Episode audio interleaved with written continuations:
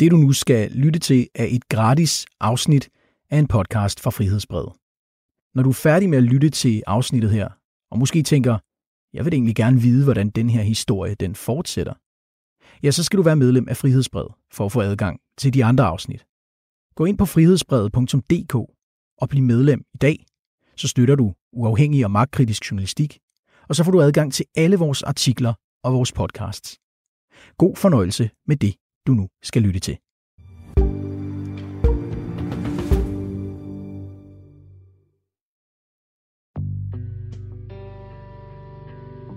Nu har vi snakket så lang tid sammen, når jeg har talt med dig før, og vi har sms'et. Øh, så jeg føler jo, at jeg kender dig på en eller anden måde. Men jeg aner jo ikke, hvordan ja. du ser ud. jeg tror sgu, jeg ser meget mit liv ud. Jeg er bare blevet lidt tykkere, ikke? Esther her har jeg aldrig mødt i virkeligheden. Så hvor høj er du? 1,65. Ja, så er jeg meget brun. Jeg kender hende kun gennem en halvdårlig telefonforbindelse. Meget brun? Ja. Hvordan kan man være det, hvis man sidder i fængsel? Ja, det kan man, fordi man slår græs. ah. Ja, så sidder vi ude og ryger. Jeg er jo ikke låst inde normalt om dagen. Lige nu er Esther spadet inde i Danmarks nye kvindefængsel. Det er en åben afdeling i et lukket fængsel, det her. Jeg har aldrig set et fængsel som det her før. Et fængsel helt uden mænd skulle nemlig forbedre kvindernes afsoningsforhold og få dem bedre ud af kriminalitet. I, vi skal være resocialiseret. Det bliver vi ikke herinde. Når der ikke er noget muskelkraft, så skal de nok sørge for, at nogle af kvinderne tror, de muskler. Det første, jeg kommer ind til, det er at høre, at der er nogen, der er blevet flyttet, fordi de har slået i. Der er meget vold herinde, synes jeg. Men når jeg taler med Esther, lyder projektet til at være gået fuldstændig galt. Esther, vil du sige, at du er knækket? Nej, men det er jeg, når jeg kommer ud. Det er helt sikkert, hvis ikke forholdene ændrer sig. Når jeg kommer ud på den anden side, så er jeg ikke mindre kriminel, end jeg var, da jeg kom ind i hvert fald. Det kan jeg lige så sige det med det samme. Og hun er langt fra den eneste, der påstår at komme ud endnu mere kriminel. Mit navn er Helle Fusager. Jeg er journalist her på Frihedsbrevet, og du lytter til serien Kvindefængslet.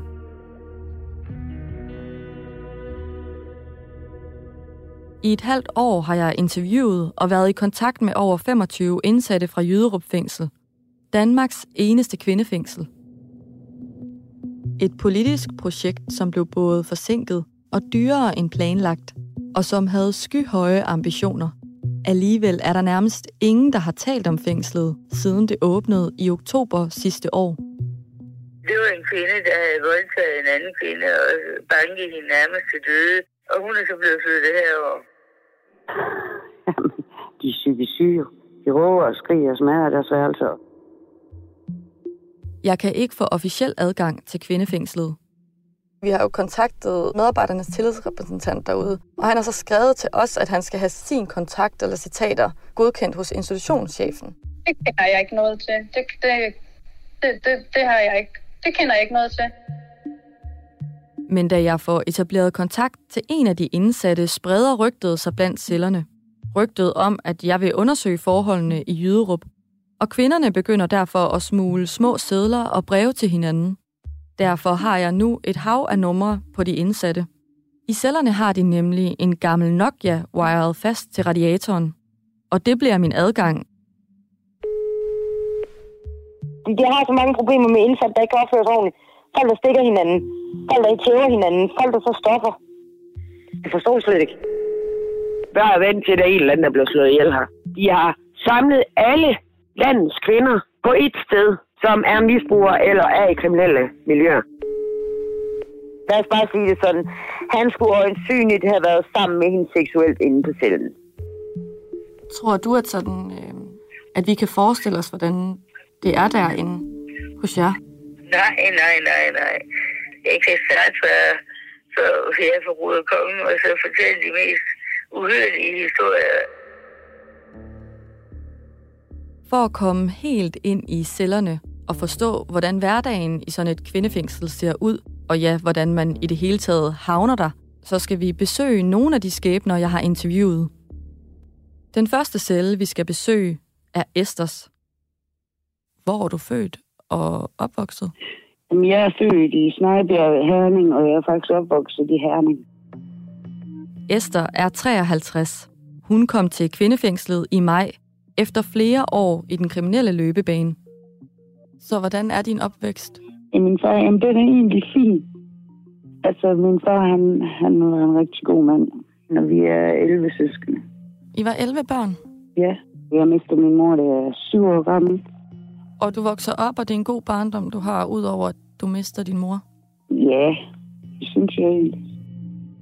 Esther flytter tidligt hjemmefra, og så tager hendes liv ellers en drejning imod kriminelle miljøer. Jeg tror, det var, fordi jeg gik i byen, og det var jo masse slagsmål dengang. På det her tidspunkt har hun knoklet på fabrikker siden hun var 14, og har tre børn med tre forskellige mænd. Det første barn fik hun allerede som 17-årig. Men det er hårdt. Det børn skal ikke have børn. Hun bliver gift som 25-årig, men ægteskabet er voldeligt, fortæller hun. Og så blev jeg gift som 25-årig, og han banker mig.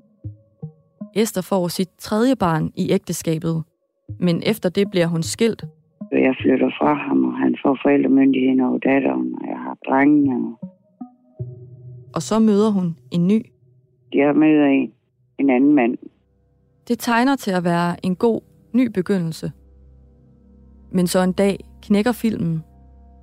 Jamen, det er en, der ringer til mig og fortæller mig simpelthen. En ven fortæller Esther, at der er sket noget forfærdeligt. Hans datter bliver så billedet ved af en mand. Hendes nye kærestes datter har været ude for et seksuelt overgreb fra en voksen mand, fortæller Esther. Haft en finger op i hende og sådan noget. Det, det var virkelig grimt. Papdatteren er kun 12 år gammel, husker Esther. Hun var 12 år. Hvad gør det ved dig? Det trigger et eller andet, fordi man gerne vil beskytte det, man har kært. Og hvis de oplever noget, som du selv har oplevet, ikke var særlig godt, så bliver man gal ind i hovedet og tænker, hvordan kan det her ske? Esther sætter sig i en bil med to kammerater. Og så sætter de kursen direkte mod gerningsmanden. kører vi så til den by, hvor vi ved, at han er. Vi har bare aftalt, at vi skulle tage op til en snak med ham. Og der tager vi ham simpelthen ud i bilen, tager ham med hjem, hvor jeg bor. Banker vi ham. Esther er nu officielt kriminel og tilhører gruppen af mødre, søstre og døtre, som er kommet på kant med livet og loven. Og i dag sidder hun så i fængsel igen. Men Jyderup Kvindefængsel er anderledes. Det er ikke ligesom hverken derhjemme eller i andre fængsler, jeg har sat i. Det er jo hegn over det hele. Der er ikke en dør, du kan gå ud af. Det er der i andre fængsler. Vagterne er anderledes over for en. Resten kommer ikke ned og hilser på en, ligesom hun gør de andre steder. De madrasser, vi ligger på, det er helt tilbage fra Jynkes af. Jyderup består af en arrest, en lukket og en åben afdeling. Altså tre slags fængsler i et. Esther sidder selv på den åbne afdeling, som er delt op i nord og syd. Og selvom værelserne kun er cirka 9 kvadratmeter, så bor mange af kvinderne to og to. Og det betyder, at kvinderne, der kommer fra hele landet, med alverdens domme og udfordringer, bor tæt. En blandt land, han, så kommer der en med rollator og blæ. Så kommer der en, der hedder Ninja. Jamen, de er psykisk syge. Ninja og personen med rollator er bare nogle af dem, Esther afsoner med. Karakterer, som ifølge både hende og andre, jeg har talt med, præger livet på de aflåste små gange. De råber og skriger og smadrer deres værelse, og hun tisser i sengen og på rollator kører ind i folk og vælter dem ind i opvaskemaskiner, og så er de ved at skære sig i fingrene, når de står og laver mad, fordi...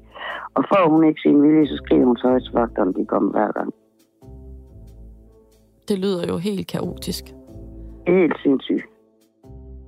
Og midt i alt det her prøver Esther og nogle af de andre fanger så at leve en eller anden form for hverdag.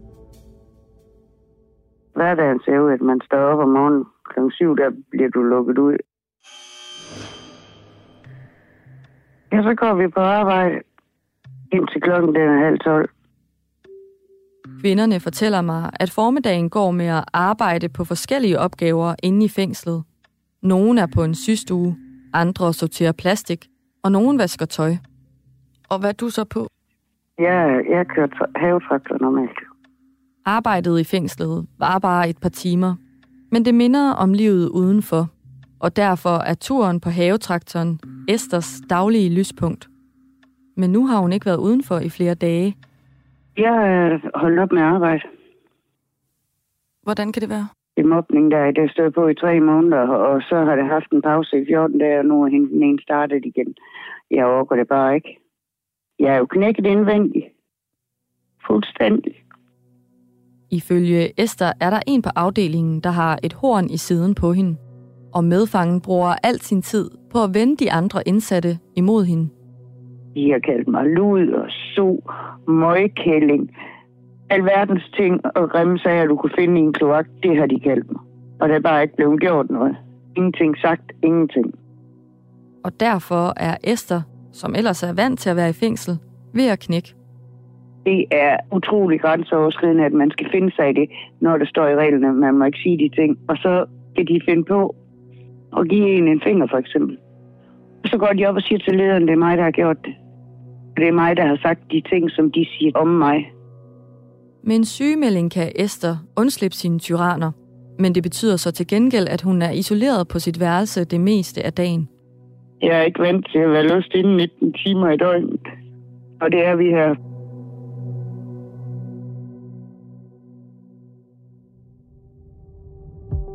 Der er tale om et særligt fængsel.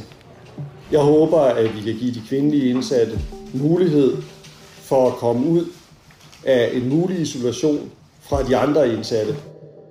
Det du hører her er en politisk skåltale fra den dag kvindefængslet åbnede. Det skete som sagt sidste år.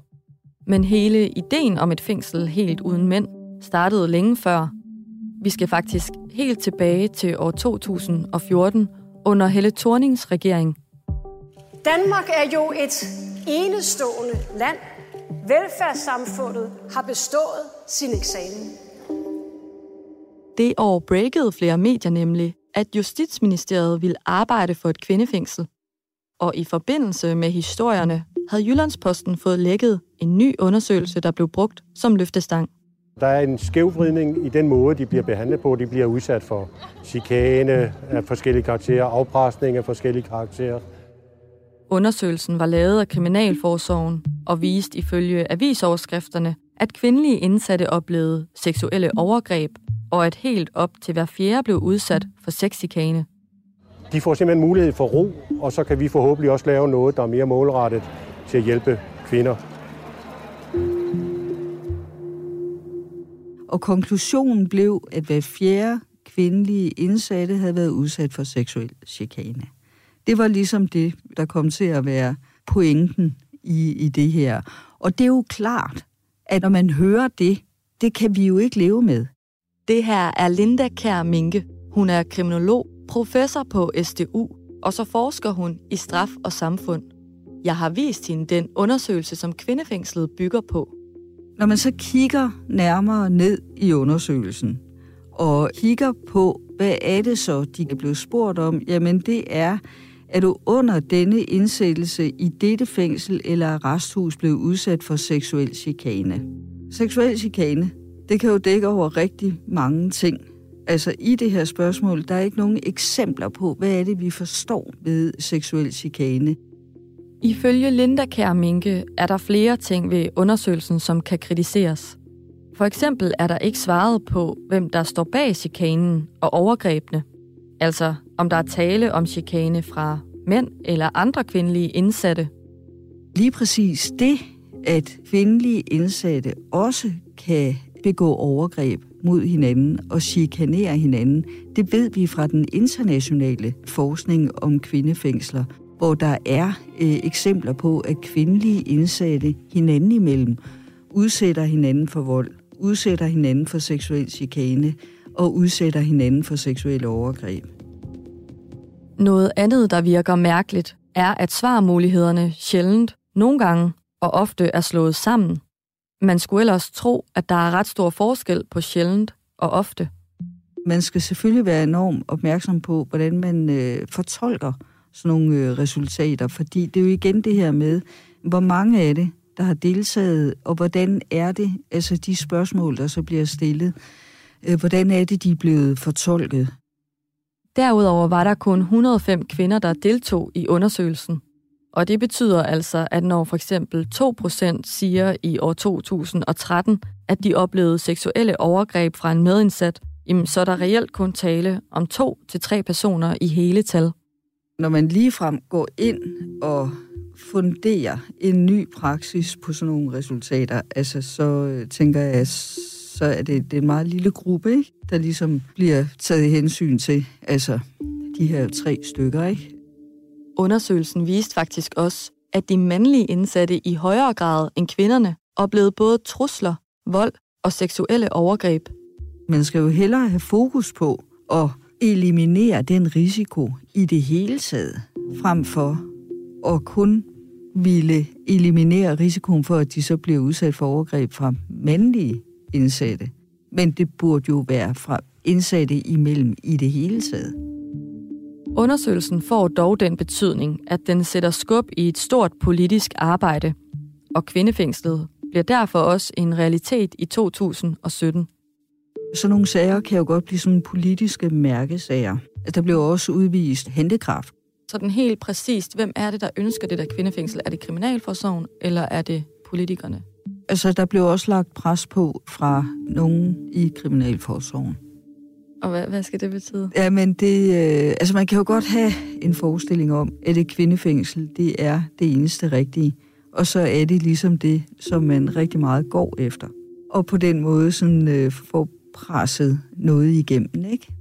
Jeg synes, det var en forhastet beslutning, og jeg synes, det var en beslutning, der blev ført ud i livet på et tyndt grundlag. Og nu et år senere griner kvinderne, når jeg fortæller dem, at fængslet skulle give dem bedre og mere trygge afsoningsforhold. Jeg tænker, det er en fin tanke. Er det rigtigt? Okay, jeg har ikke ord for det. Nå, det har de i hvert fald ikke formået at gøre. Blandt andet Esther, som altså har problemer med særligt en af de andre fanger på gangen. Hun er ældre end mig. Hun er ældre end dig. Og har også været i fængsel før. Det tror jeg faktisk ikke, hun har. Fordi ellers så kunne man jo godt tænke, at okay, men Esther, hun har sgu været i fængsel før, hun ved, hvordan det her det foregår. Jamen, jeg ved ikke, hvordan det foregår at være i kvindefængsel, fordi det er noget helt andet. Spillet er ikke det samme. Vi kan ikke undgå at støde sammen. Vi kan ikke undgå at rende ind i hinanden. Og de flytter ikke dem, der slagsmål. Jeg har ikke set en endnu, der er kommet hertil, der ikke har ret. Så hvordan er gruppedynamikkerne derinde? Der er et hierarki. Altså, man har dem, man snakker med, så har man dem, som man snakker mindre med, og så har man dem, som man slet ikke snakker med. Så er der dem, som er noget, og så er der dem, som tror, de er noget, og så er der dem, som ikke er noget. Har du nogen idé om, hvor i det der hierarki du ligger? Nej, det har jeg sgu ikke. Det kommer lidt an på, hvordan situationen er. Jeg gør jo ikke nogen noget, medmindre det bliver nødvendigt. Er du stor og stærk? Nej, det synes jeg ikke. Men jeg kan blive det. Jeg kan virkelig, virkelig godt blive det. Hvis du nu skal sådan lige gå i, i en skriftestol for et øjeblik, er der så, altså er der nogen ting, du kan se, som du måske har gjort forkert derinde, eller hvor du ikke har opført dig ordentligt? Ja. ja. Jeg har da ikke opført mig ordentligt. Fordi jeg svarer igen jo. Altså, jeg, jeg svarer igen, når folk de siger noget til mig. Jeg er flæbet. Og jeg er stedig. Du kommer ud på et eller andet tidspunkt. Altså, hvor, hvad, hvad, hvordan tænker du, det bliver, når du kommer ud? Udover det selvfølgelig er dejligt at komme fra Jyderup. Men, men jeg tænker også, hvad det har gjort ved dig. Altså, det lyder jo... Du har det jo ikke godt. Jeg skal, jeg skal have nogle samtaler med en psykiater, når jeg kommer ud, det er helt sikkert, eller en psykolog. Fordi du bliver knækket af at komme herind. De knækker dig fuldstændig. Og hvis ikke folk gør det, så gør betjentene det.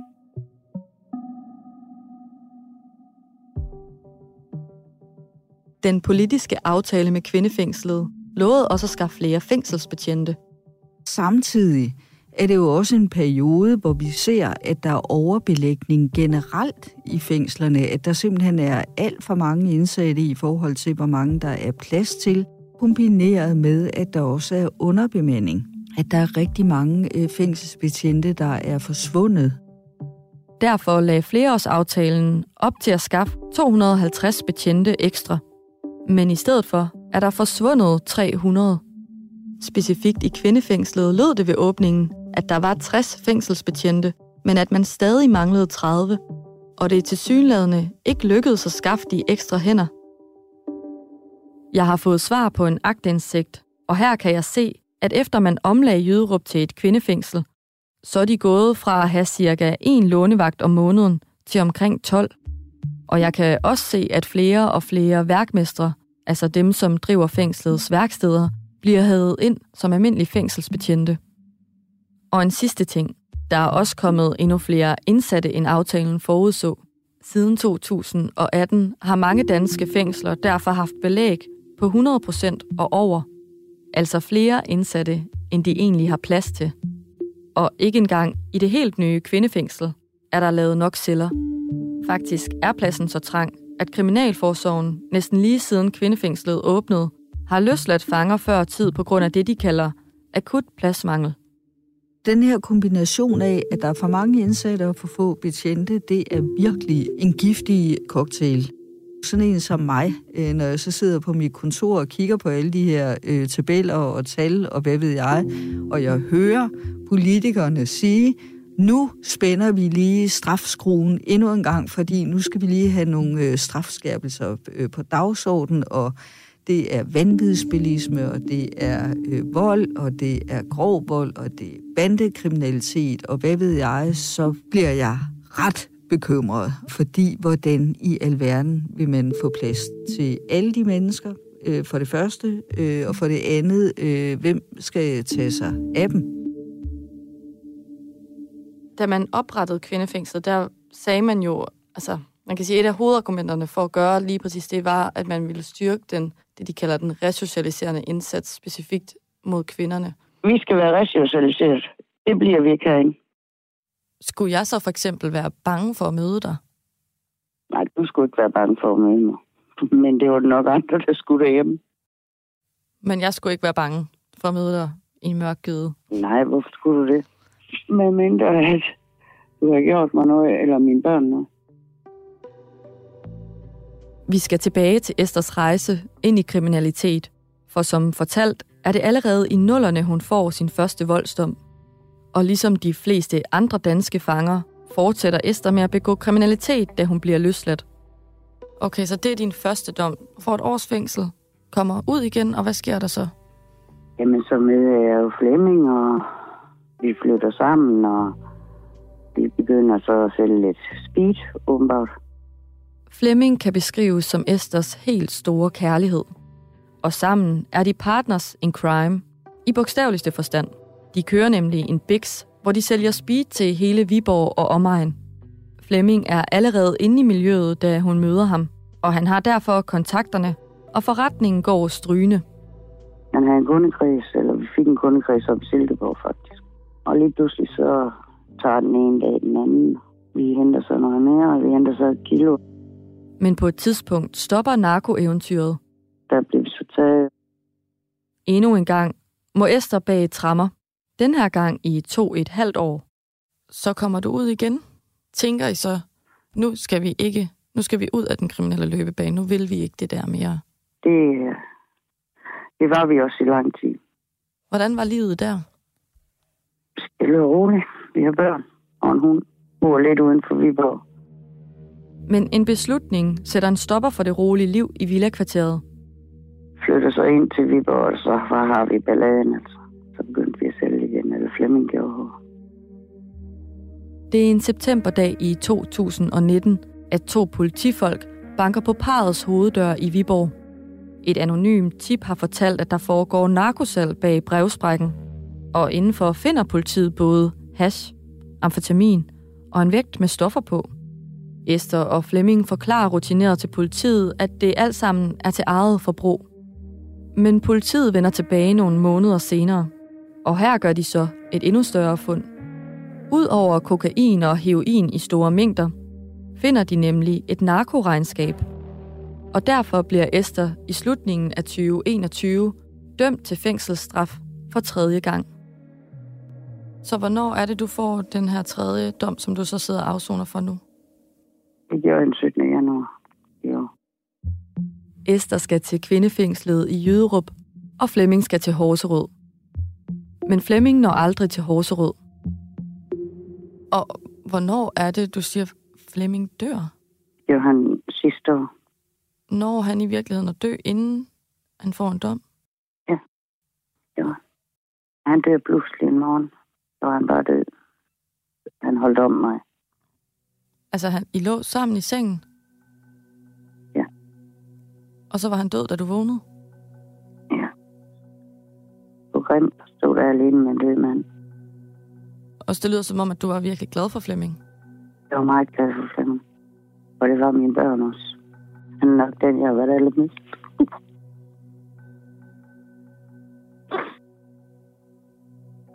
det er svært. Nu håber Esther, at hendes tredje gang i fængsel bliver hendes sidste. Det er så fint, at du bare siger, hvad du ikke har lyst til at tale om. Øhm, og grund til at spørge, det er jo det her med at prøve at forstå, hvordan Esther kan ende i noget lort, for at sige det som det er. Men det kan man, når man har sådan ligesom oplevet det, som jeg har oplevet. Du starter egentlig med at sige, at du har haft en god barndom og opvækst. Men Jamen, jeg, altså, mine, mine forældre har jo været gode. Det er jo ikke det. du trækker lidt på det. Ja, altså, vi havde nogle, der ikke var særlig gode ved os. Hvor, hvordan? De, øh, de misbrugte os faktisk. Og hvornår startede det? Hvor gammel var du, da det startede? Det ikke tre år. Måske nu, jeg ved ikke. Esther fortæller, at nogle voksne i familien forgriber sig på hende. Og ikke kun på hende, også hendes søskende. Jeg kan huske, at øh, jeg har set de, min lille søster stå med blod ned ad benen, da hun var tre år. Men det kan jeg huske lige tydeligt. Og hvor mange år stod det på? Ja, Det stod så på, indtil jeg blev 12-13 år. Det her, det må selvfølgelig, tænker jeg, have præget dig rigtig meget. Det tror jeg også, det har på et eller andet sted, men, når man er så lille, så er man jo tilbøjelig til lige at glemme det på et eller andet tidspunkt. Og så kommer det frem en gang imellem. Det gør det stadigvæk. Hvornår for eksempel? Jamen for eksempel, hvis jeg har det skidt, så tænker jeg over det. Og hvordan man hele tiden skulle passe på, det ikke gik ud over min lille søster. Så for eksempel nu også, hvor du har det skidt ind i fængsel, så er det så nogle ting, der også kommer tilbage. Jamen, det er med mig rigtig Jeg sover ikke så meget. Jeg føler ligesom, når folk de prøver på at tvinge mig til noget, for eksempel tvinge mig til at gå på arbejde her, så føler jeg, at det er den samme tvang, jeg er under.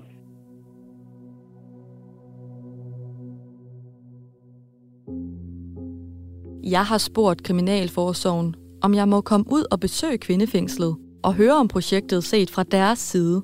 Men det afviser presseafdelingen. Tidligere har deres områdedirektør, Anne Erlandsen, svaret mig sådan her i et telefoninterview. Altså det, jeg kan sige, det er jo, at vi er meget udfordret øh, på, at vi har mange indsat og øh, få ansatte. Og når man er udfordret på den måde med, med den grundlæggende kernedrift, jamen, så kan det ikke undgå, at det også går ud over nogle andre indsatser, som for eksempel øh, resocialisering. Jeg er altid villige til at, at lytte og indgå i, i dialog, når der er noget, vores indsatte er utilfredse med, og, og prøve at se, hvad vi kan gøre for at gøre det bedre. Sidenhen har jeg forelagt kvindernes kritik for Kriminalforsorgen på skrift. I en mail skriver de til mig, at de ikke kan forholde sig til konkrete påstande fra enkelte indsatte, men at deres personale reagerer øjeblikkeligt, hver gang de oplever vold, narko og andre ulovligheder.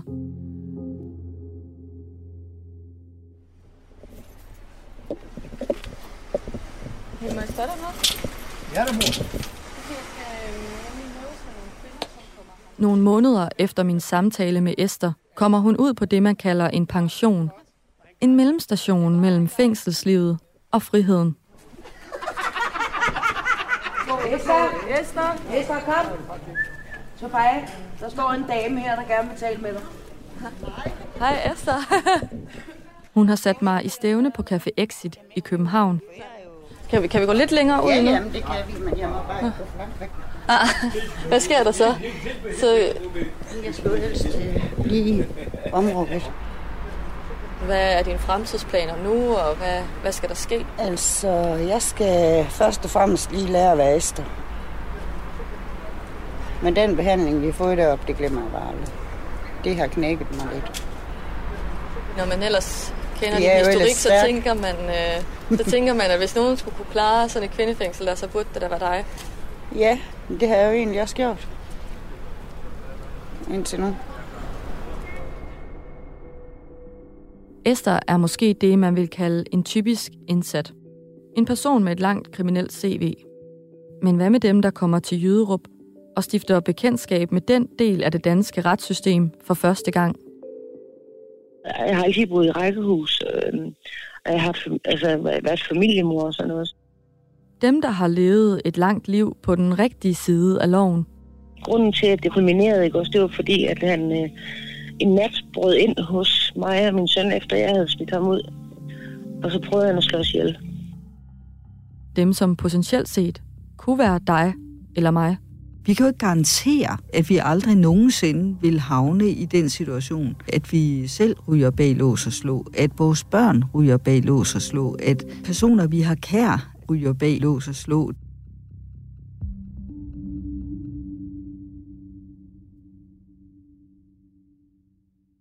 Du har lige lyttet til et gratis afsnit af en podcast fra Frihedsbrevet.